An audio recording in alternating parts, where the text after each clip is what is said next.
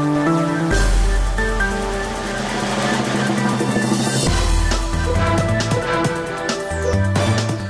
Radio Slobodna Evropa, program za Bosnu i Hercegovinu. Ja sam Ivan Katavić i želim vam dobar dan iz Sarajevskog studija. Subota je 7. prosinac 2019. godine, slušate emisiju Glasom mladih u kojoj govorimo o problemima mlade generacije, ali njihovim razmišljanjima o aktualnim društveno-političkim temama. Prije nego damo riječ mladima, poslušajte najaktualnije vijesti zemlje, regije i svijeta. Radio Slobodna Evropa. Vijesti. Migranti u kampu Vučjak peti dan odbijaju hranu i vodu. Izmještanje ovog kampa najavljeno je u ponedjeljak. Njihov broj varira između 4 i 6 stotina. Među njima vladaju i tenzije kada su saznali da trebaju biti izmješteni u Sarajevo. Broj migranata se povećao jer policija od jutros dovozi desetine migranata s ulica Bihaća i smješta ih u Vučjak. Tuzli prijeti humanitarna katastrofa, upozoravaju volonteri. Migranti hladne noći i dalje provode na betonu. Sve više onih sa zdravstvenim tegobama, a nadležni i dalje nijemo posmatraju zbog miniranog terena, ali i negodovanja mještana i lokalne vlasti za smještaj migranata u kasarnu Ljubače. Iz Međunarodne organizacije za migracije su kazali da je njihova aktivnost na ovom području završena. Predsjednik SNSD-a Milorad Dodik očekuje da će najkasnije do 23. prosinca biti za zakazana sjednica parlamenta Bosne i Hercegovine na kojoj bi bilo izabrano novo vijeće ministara. Dodik je rekao da očekuje da će do kraja idućeg tjedna biti završena provjera kandidata za ministarska mjesta. Što tiče SNSD-a pored presjedavajućega, e, za ministra za ekonomske odnose i spoljnu trgovinu iće Staša Košarac, a za ministra za e, saobraćaj i veze iće e, gospodin Mitrović. Vojn Mitruć. U svakom slučaju, e, ostala mjesta biće e, popunjena, znači ministar za izbjegla lica i tri zamjenička mjesta bit će popunjena u skladu sa dogovorom sa našim koalicijim partnerima. Zbog iznenadnih i nepredviđenih okolnosti u Siriji, povratak grupe državljana Bosne i Hercegovine iz te države, koji je bio planiran za danas, odgođen je do daljnjeg. Ministarstvo sigurnosti Bosne i Hercegovine priopćilo je da je u stalnom kontaktu i da nastavlja suradnju sa međunarodnim partnerima kako bi se transport BH državljana iz Sirije izvršio kada se za to steknu povoljni uvjeti. Prema mjerenjima stanice Air Visual, Sarajevo je jutro se jedan od najzagađenijih gradova svijeta. Na vrhu liste nalazi se Delhi, čiji indeks kvalitete zraka iznosi 389, dok je Sarajevo na drugom mjestu sa 335. Vlada kantona Sarajevo danas je na vanrednoj sjednici proglasila epizodu upozorenje. Veliki požar koji gori u blizini Sidneja trenutačno se ne može ugasiti, upozorile su vatrogasne službe Australije koje se bore s vatrom diljem države. Požar koji gori na oko 300 tisuća hektara nalazi se samo oko sat vremena vožnje od najmnogoljudnijeg australskog grada. Njegov dim uzrokovao je rast zdravstvenih problema. Washington je danas nastavio razgovore sa talibanima u Kataru. Priopćio je američki izvor tri mjeseca nakon što je predsjednik Donald Trump iznenadno prekinuo diplomatske napore na okončanju najdužeg rata koji je Amerika voljela. U fokusu rasprava biće smanjenje nasilja koje bi dovelo do međuafganistanskog dijaloga i primirja, izvijestio je izvor o naporima na okončanju skoro dvodecenijskog rata u Afganistanu. Demonstranti su se sukobili s policijom dok su tisuće ljudi izašle na ulice čileanske prestonice kako bi oživjeli 50. dan najtežih građanskih nemira u toj zemlji u posljednjim desetljećima. Revoltirani čileanci tjednima prosvjeduju protiv društvene i ekonomske nejednakosti, te protiv etablirane političke elite koja dolazi iz malog broja najbogatijih porodica u zemlji. Nakon višednevnog primirja u Bagdadu su ponovno izbili sukobi u kojima je ubijeno najmanje 12 demonstranata, dok Washington upozorava na upletanje Teherana u Iraku i uvodi sankcije pripadnicima milicija bliskih Iranu. Najmanje 11 ljudi je poginulo, a desetine su povrijeđene u eksploziji gasa koja se dogodila u zgradi od 12 katova u Prešovu na istoku Slovačke, navodi danas policija novi bilans ove nesreće. U Sarajevskoj dvorani Zetra održana je svečana promocija i dodjela diploma diplomantima i magistrantima Univerziteta u Sarajevu. Rektor Rifat Škrijelj zajedno sa prorektorima Univerziteta u Sarajevu i dekani fakulteta i akademija promovirali su preko 5100 diplomanata i magistranata. Na kraju u vremenu sutra će većinom prevodavati umjerena na oblaka. Na sjeveru zemlje i po kotlinama u centralnim i istočnim područjima očekuje se dugotrajna magla ili niska na oblaka. Vjetar slab južnog smjera. Najviša dnevna temperatura zraka uglavnom između 5 i 11, a na jugu zemlje do 14 stupnjeva Celzijusa. Glasom mladi. Subota u 15 na radiju Slobodna Evropa. U ovotjednoj emisiji bavimo se predstojećim blagdanima. Mlade smo pitali kako i gdje proslavljaju Božić i Novu godinu. Da li sebi mogu priuštiti putovanje ili radije ostaju kući? Što o tome misle mladi u Beogradu, slušamo u prilogu kolege Zorana Glavonjića. Aleksandar Komljenović, 19-godišnji student, isplanirao je novogodišnje veče. Pa Poslavim sa drugom, kao kućna žurka. Biće obično, ništa posebno. A jel vas raduje Nova godina, Božić? Da, veoma. Ljudi su na okupu, sneg pada na polju, hladno je, svi su unutra, uživaju. Da li imate mogućnosti da negde otputujete za praznik? Kući, ali ne želim. Za Maju Nikolić praznici su besmisleni. Planuje za Novu godinu? Ma de, imam, ne znam što ću sutra da radim. Ali ti znači nešto Nova godina, Božić? Ne znači mi, apsolutno ništa. Ne opterećujem se tim stvarima u životu. ja sam solo za Novu godinu uglavnom. Studenti Milovan Maksimović i Dejan Golubović ne očekuju ništa posebno. Najvjerovatnije kući i tako, društvo, porodice. Ja, zašto ne planirate nešto veliko, ko nekad? Pa ne znam, nije mi to više zabavno dok preveliki trošak za jednu noć. Ali vas raduje generalno Nova godina, Božić? Više Božić nego Nova godina, da li Božić traja ono kao u krugu porodice, lepa atmosfera i to. A šta vam smeta kod Nove godine? Pa nije nam, nam smeta nešto nego ono, ništa specijalno. I noć kao noć, izlazak kao izlazak. Ništa drugačije, samo sve skuplje i svi sređeni samo za taj dan i to je to. Da li bi planirali neko letovanje, zimovanje na nekim daljim destinacijama? Prosto neki ljudi to rade za Novu godinu. Šta vi mislite o to? To nije loše, samo što eto, to je malo skuplja varijanta, ali zato što je nešto novo možda bi nekad i probao. Ali imate mogućnosti za to?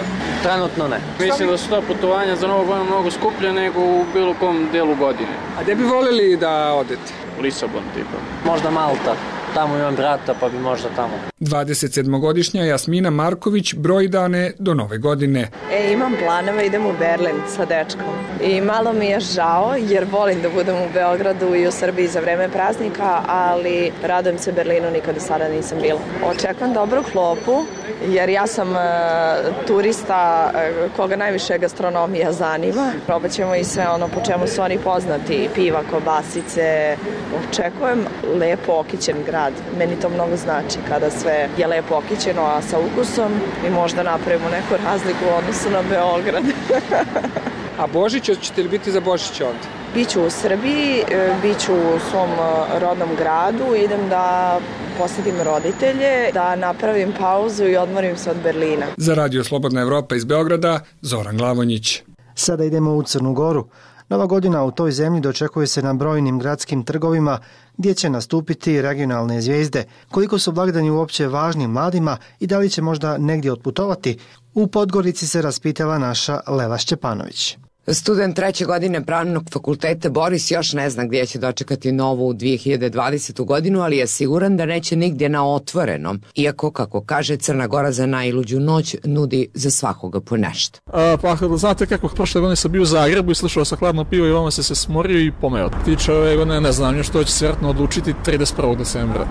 Popodne. Ranijih godina Boris je putovao. Pa je bila Češka, ovaj, slomo, Mađarska, uglavnom te destinacije, low cost iz kojih ima ovaj, letovi ispod Gorice, može se za male pare poći ovaj, neće.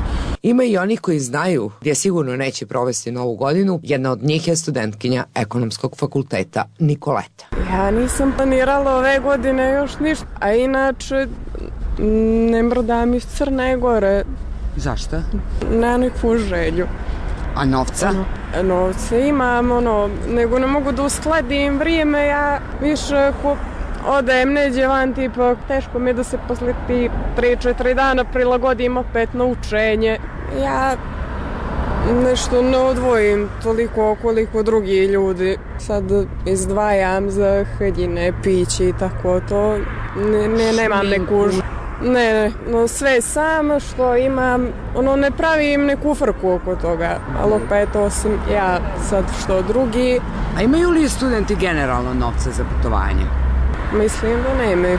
Ona objašnjava kako najviše voli da provede novu godinu. Sa milim ljudima pa da se kući ostane lijepo je.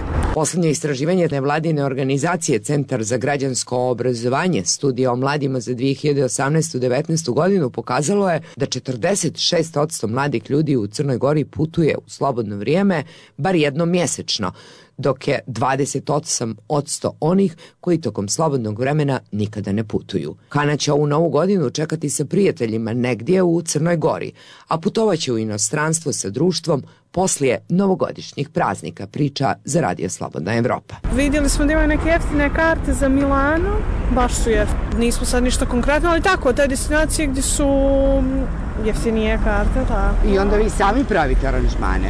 Mm, Da. Na pitanje ko finansira putovanja, Hana odgovara. Majka i tata. Nataša već zna gdje će provesti najluđu noć. Ja lično ovu godinu slavim na žabljak, znači dočekujem sa kumom, tako, to je apartman rezervisan. A inače? Inače, ovako po ovih naših podgoričkih lokala, sve zavisi kako se dogovorim sa društvom. I Milica će novu godinu dočekati u ovom zimskom turističkom centru Crne Gore. Mi društvo smo se okupili i idemo na žabljak. 80 eura je noć. Dakle, vama treba 250 samo za apartman. Da. A hrana, ostalo? Mm, sve posebno. Koliko vas to košta? Od prilike? Ne, ne znam to. Milica i Boris objašnjavaju ko finansira njihova putovanja i provod. Kako da kažem, to su neke pare koje se valjda mogu uštediti. A, od čega studenti štede? Pa ko radi, taj može da štedi, ko... Da. Aha. Zato vi imate novce za aranžmane? Da, radim i studiram. Iz Podgorice, za Radio Slobodna Evropa, Lela Šćepanović. Prošle godine nije održan doček nove godine u Banja Luci na otvorenom zbog prosvjeda članova Pravda za Davida.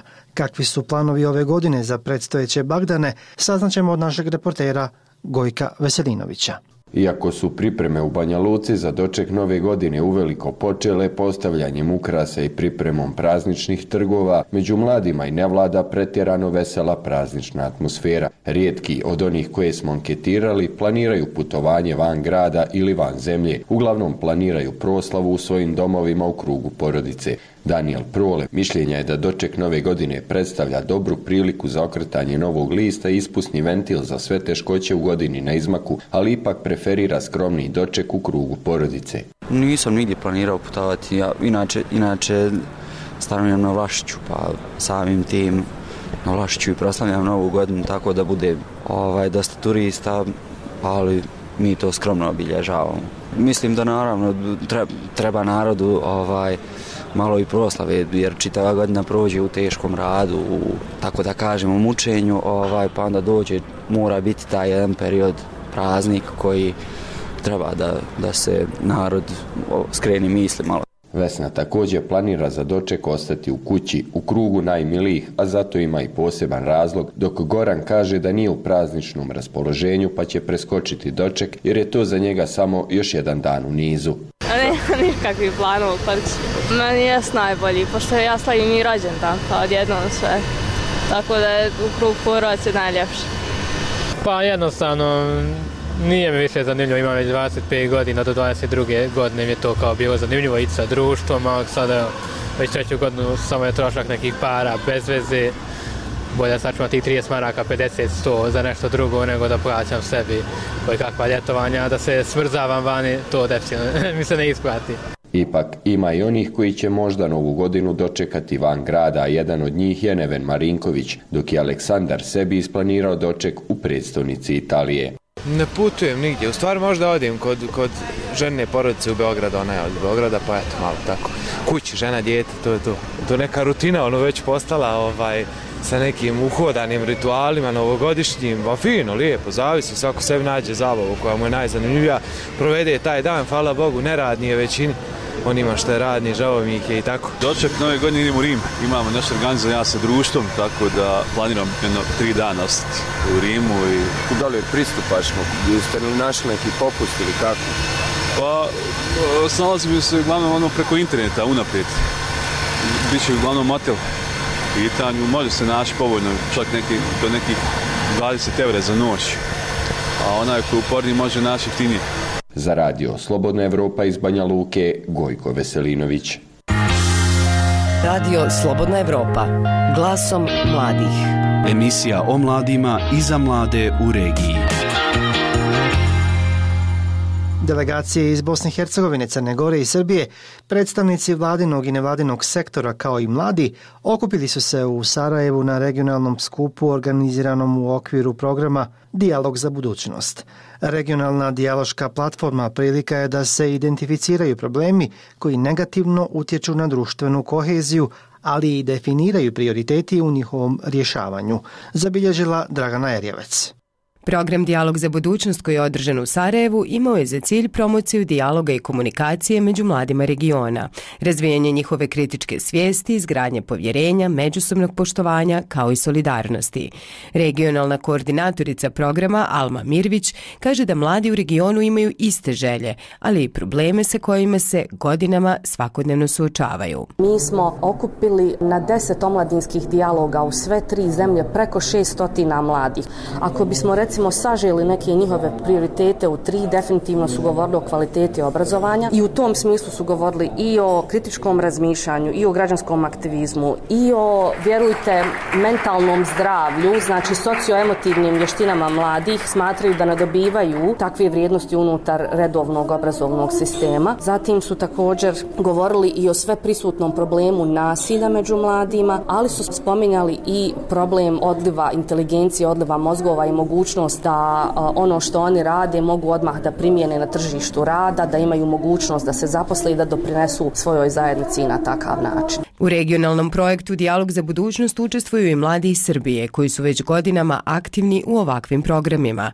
Jovana Aksentijević iz UNICEF-a iz Beograda smatra da je kod mladih u regionu najvažnije razvijeti kritičko mišljenje, jer će na taj način činiti društva razvijenim i boljim. U svakom slučaju ovakvi dijalozi su vrlo korisni da se čuju primjeri primjeri dobre prakse, ali i oni negativni primjeri kako bi znali šta je to što ne valja i šta to možemo da promenimo. E, mislim da možemo da dođemo do konkretnih e, dogovori projekata i doći ćemo, ostvarit ćemo različita partnerstva i s pomoć različitih grantova ćemo i uspeti da povežemo naše tri države i mislim da je to negde prvi praktični korak u ostvarenju tog nekog zajedničkog cilja da poboljšamo stanje u sve tri države. Jedna od učesnica iz Crne Gore, Mila Naković, kaže da su ciljevi zajedničkog regionalnog programa Dialog za budućnost osnaživanje adolescenata i mladih za konstruktivno djelovanje i liderstvo, podržavanje međukulturalnog dijaloga, objektivnog medijskog izvještavanja te društvenog i političkog osnaživanja, ali i povratka povjerenja u institucije. Ovim, mm, da kažem, projektom mi pokušavamo da povratimo to povjerenje u institucije koje se negdje ovih godina izgubilo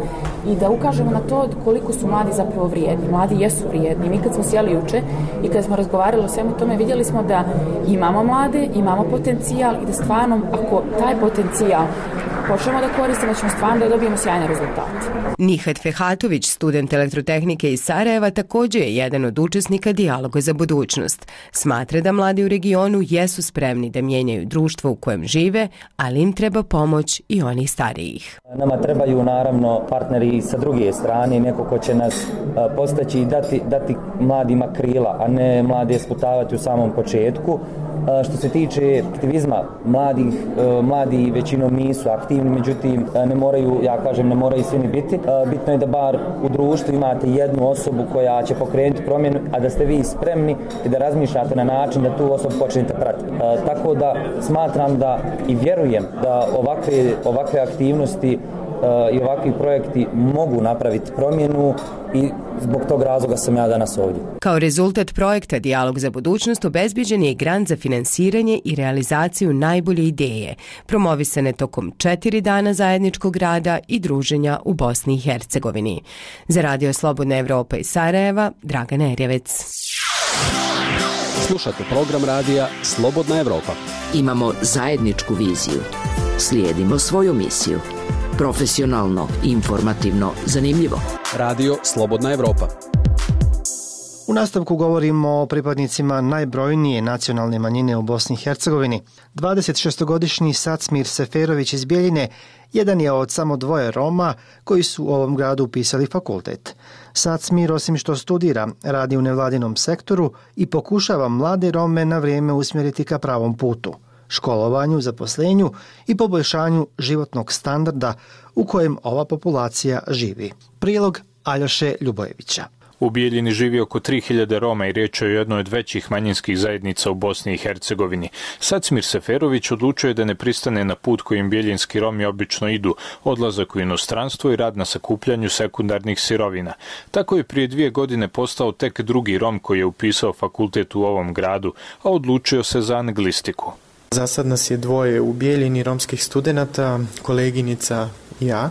Odakle želja i motivacija? Pa ne znam, moje djetinstvo koje nimalo nije bilo lako i jer sam prošao kroz jednu vrstu golgote kao, kao, kao dječak u djetinstvu, nekako mi je pružila vidike tačnije da, da gledam svijet drugačije drugačiji u odnosu na drugih i, i da se borim, da ne završim kao nažalost većina i e, ne možemo da mijenjamo svijet ako, ne promjen, ako ta promjena ne, ne ide prvo od nas, jel?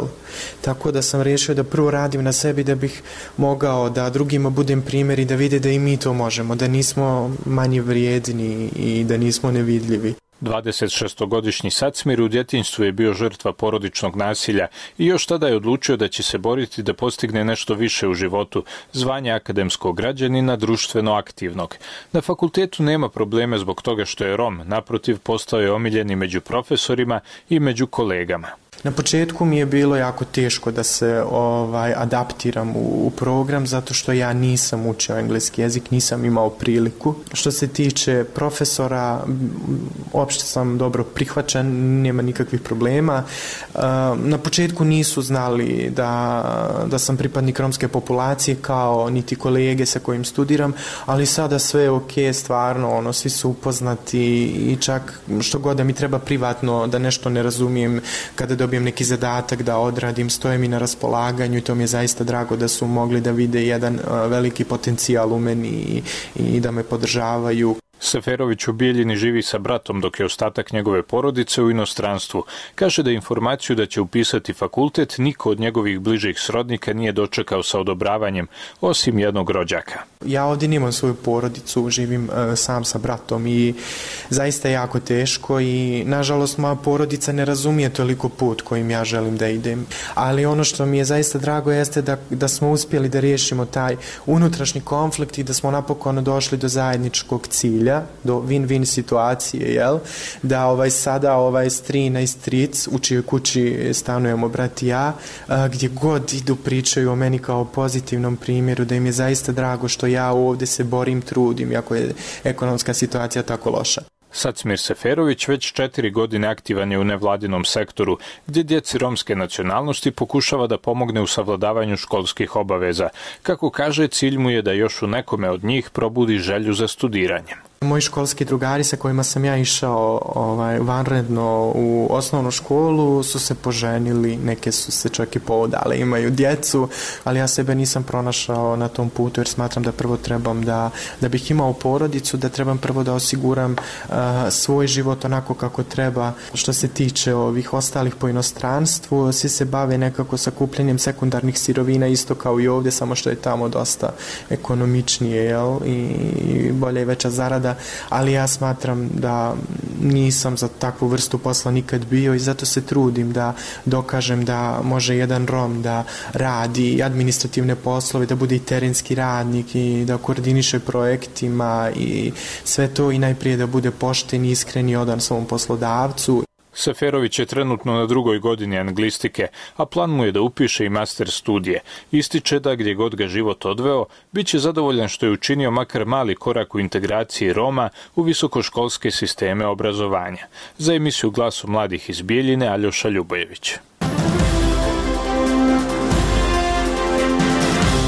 Novoj emisiji TV Liberty gledajte. Sve više žena u Bosni i Hercegovini trpi nasilje u obitelji. Trpla sam to sve zbog svoje djece jer nisam mogla stvarno svoje djecu ostaviti jer sam toliko volila svoje djece da sam živo svoj dala za njih. I danas bi to sve isto tako uradila. Osobe sa intelektualnim poteškoćama mogu živjeti u zajednici. Mi imamo tu e, priliku i mogu reći privilegiju da prisustvujemo jednoj transformaciji života osoba koje su nakon e, dugo godina, na primjer, provedenih u institucijama kako se osnažuju, kako jačaju vlastite kapacitete da se uhvate u koštac sa životom. Sadika iz Bužima jedna od rijetkih vodeničarki u Unsko-Sanskom kantonu.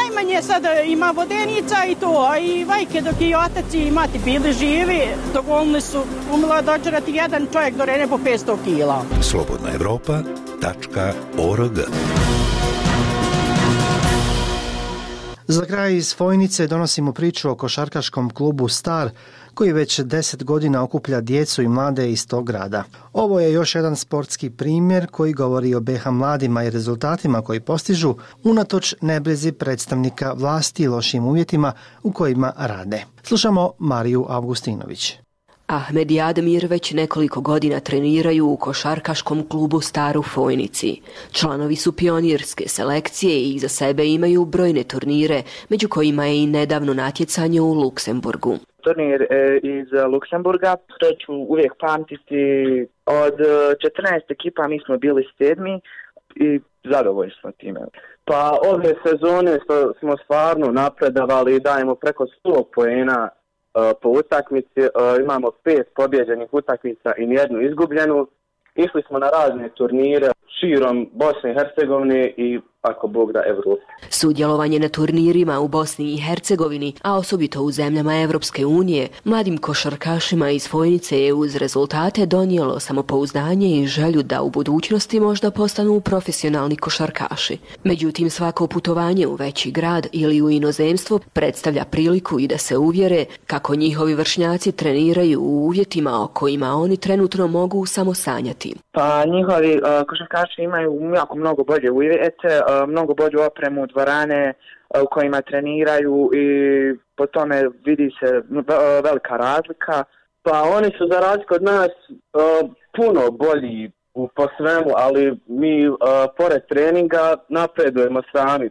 Teško je naravno, ali moramo se truditi ako želimo uspjeti. U košarkaškom klubu Star trenira 125 košarkašica i košarkaša, a trener Samir Kučuk izdvaja njihovo sudjelovanje u Ligi mladih Srednjobosanskog kantona, kao i u ženskoj omladinskoj ligi Bosne i Hercegovine. Rezultati, kaže Kučuk, ne izostaju unatoč tome što klub radi u izrazito teškim uvjetima i bez adekvatne podrške. Naše košarkaše, evo sad trenutno košarkašta jedna igra, prepoznali su iz Herceg Novog, eto vidite iz Crne Gore, se uzeli igra Vaba ligu, znači na nivou bivše Jugoslavije igrali takmičenje. Um, naš pionir koji je 2005. godište ide 21.12. u Beograd na probu jer su jer je jedan talijanski klub zainteresiran za njega znači tako da imamo imamo i te kakve i te kakve ovaj uspjehe u razvoju tih košarkaša međutim malo je sistem cijelog znači košarkaškog saveza Bosne i Hercegovine malo zakazao e, prednost košarkaškog kluba Star Fonce ja mogu direktno reći je lucidnost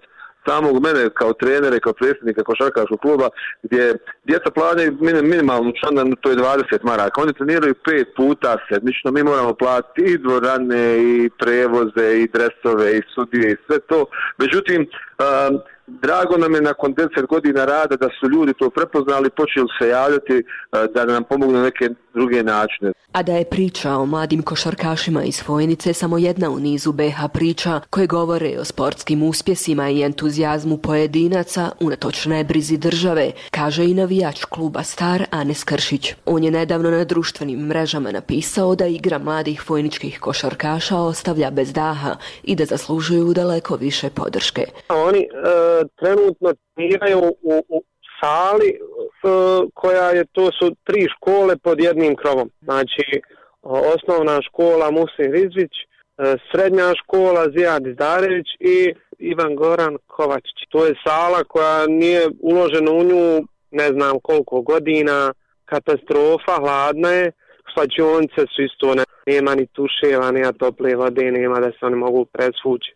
Glavni krivac je ta vlaza za to sve i što se ne ulaže u djecu i, i dovoljno je samo malo to da, da ni, i pogura se i katastrofa, ne znam. Za Radio Slobodna Evropa, Marija Augustinović. Slušajte nas, gledajte nas, čitajte nas na web stranicama slobodnaevropa.org. Bila je to još jedna emisija Glasom mladih. Hvala na pozornosti. Iz Sarajevskog studija pozdravljaju vas Enes Harničić i Ivan Katanić.